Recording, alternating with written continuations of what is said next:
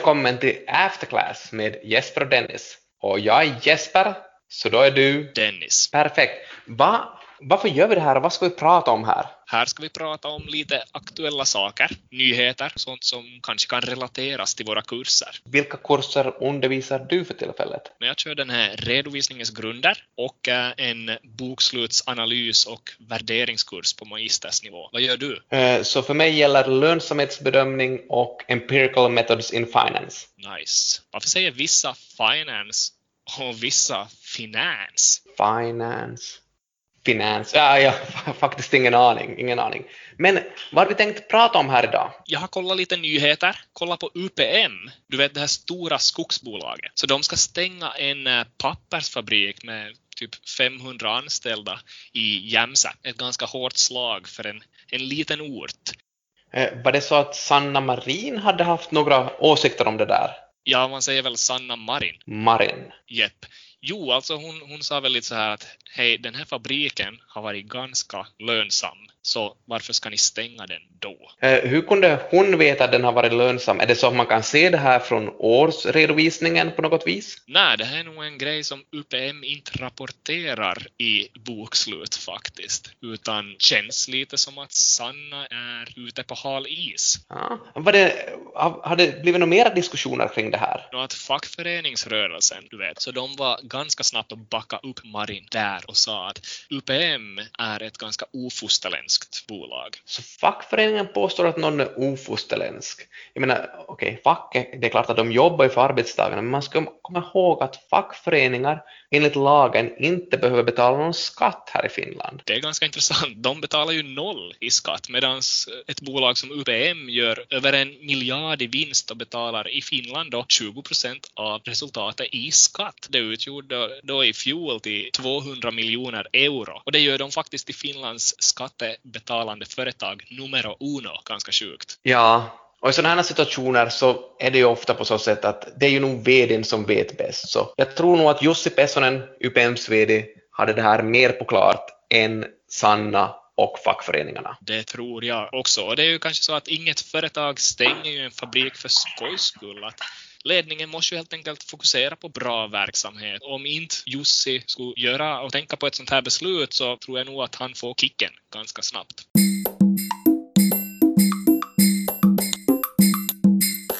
Så där, annars Jesper, att det här företaget UPM och den här fabriken tillverkar alltså dagstidningspapper. Så det allmänt då, skulle du säga att du läser mycket dagstidningar på papper i nuläget? Nej, det gör jag verkligen inte. Men jag minns både, det här var ju när du och jag började vid Hanken, så hade vi en kollega som varje kafferast kom in i kafferummet och frågade var är dagens HBL? Ja, det är ganska intressant också att samma dag som den här personen gick i pension så sa det Hanken upp alla dagstidningsprenumerationer på papper. Ja, det är väl vad man kallar vettiga kostnadsinbesparingar.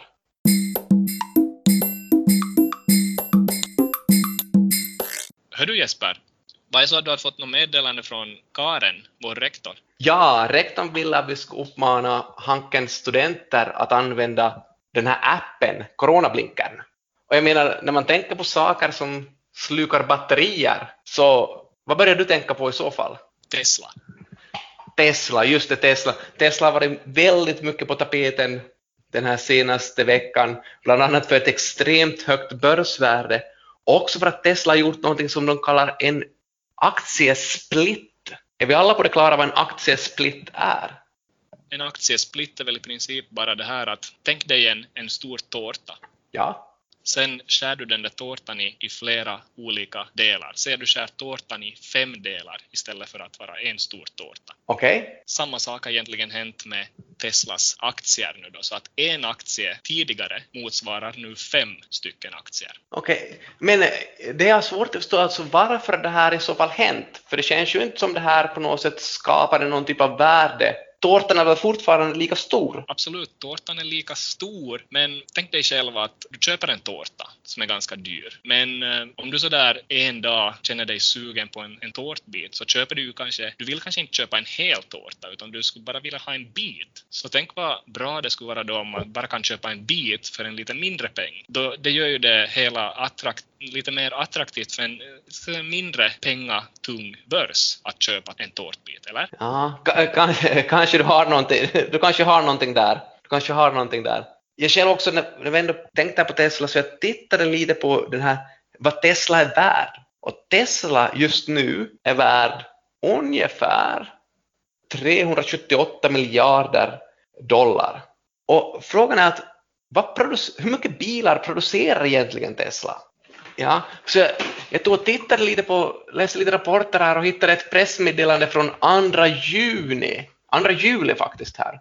Det stod att Tesla mellan mars till juni producerade, eller inte producerade, levererade 90 650 bilar. Så om vi skulle slå ut det här över, istället för bara tre månader, tänker vi att det här är ett helt år, så multiplicerar det här med fyra, så skulle vi få 362 000 bilar per år. Eh, Tesla skriver också här i det här pressmeddelandet att Our delivery count should be viewed as slightly conservative. Så det vill jag till alla lyssnare säga att det finns ingenting med Teslas rapportering, rapportering som är slightly conservative. Men för att gå tillbaka, vad blir då egentligen som Teslas värde per levererad bil? Har du hört om den multipeln tidigare? Du ska alltså ta det här börsvärdet då först och relatera det till antal levererade bilar. Exakt på det sättet. Och om vi skulle göra den här beräkningen skulle vi så att per levererad bil för ett år, 2020, så är Teslas aktie värd lite på dryga en miljon dollar. Så om vi jämför det här med Volkswagen till exempel, så säljer de 6,5 miljoner bilar på, per år. Skulle man värdera Volkswagen på samma sätt, alltså att varje Volkswagen som säljs skulle motsvara ett marknadsvärde på en miljon, så då borde Volkswagen vara värd 6 869 miljarder. Men Volkswagen är idag värd 74 miljarder. Så igen, vad vi ska komma ihåg med här bara att Teslas värdering är extremt hög i relation till hur mycket bilar de levererar. Och kanske till och med i relation till hur mycket bilar de kan tänkas leverera.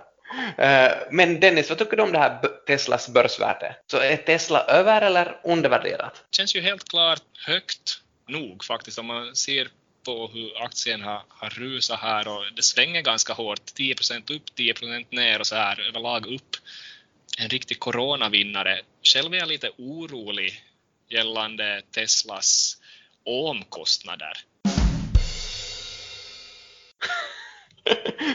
kan du förklara lite mera där? Alltså ohm är ju ett mått på resistans, alltså den strömbegränsande förmågan hos en elektrisk krets. Och omkostnader i ett företag är ju som alla indirekta kostnader som företaget har och de är ju någonting som kan dra ner resultatet. Så då tänkte jag att Tesla, en elbilstillverkare, har ohmkostnader. Jag vet inte. Nej men, skämt åsido, det, det var ett laddat ämne. Vi går vidare mot strömmen tycker jag. Okej, okay, Tesla, som vi sa här, väldigt högt värderat. Men vilket är det företag som har högst värdering i hela världen? Mm, intressant, det är Apple. De pikar med sitt börsvärde på 2,3 biljoner dollar här om veckan faktiskt. Ett väldigt stort tal. 2,3 eh, biljoner, hur, jag menar, hur ska vi på något sätt kunna förstå den här värderingen, förstå det här talet? Ja, alltså 2,3 biljoner euro, det, man kan, på engelska säger man 2,3 trillions. ja, jag menar, jag tycker, jag är väldigt, säger man verkligen 2,3 trillions på engelska? Känns, känns lite konstigt i min mun. Ja, ja okej, okay. 2,3 trillions eh, skulle det vara då. Men hur som helst, 12 nollor. 12 nollor, tänk dig det här. En miljard har nio nollor. Eh, vad har tusen då? Tre. Okej. Okay. Nej men eh, okej, okay, för att lägga det i perspektiv. Om jag går till Prisma och är sugen på dricka så köper jag lite koffburkar då, tänker jag så här. Snittpriset på en sån här koffburk i 24 pack så är 90 cent. Så jag får typ, om jag omvandlar 2,3 biljoner till euro så har jag runda slängar 2 biljoner euro. Så för 2 biljoner euro så kan jag få 2,15 biljoner koffburkar. Tänk på det. Och sen, om jag pantar de här burkarna, så då får jag 322 miljarder euro i pant. Säg sen, det här. Va? Eh, kan, kan, du säga den här siffran igen? 322 miljarder euro i pant. Okej. Okay. Och lägga i perspektiv igen, Finlands statsbudget är 50, kring 50 miljarder euro. Så att för den här panten från Apples börsvärde, äh, rent hypotetiskt då, så skulle vi kunna leva skattefritt i Finland i sex år. Vi skulle kunna köra Finland helt bara baserad på pant i cirka sex år. Men, men vem är det som ska panta alla de här burkarna? Ja, det kanske blir nästa veckas program. Ska vi säga så? Ja, det låter bra. Okej, vi kör vidare nästa vecka med nya insikter i After Class med Jesper och Dennis. Vi hörs!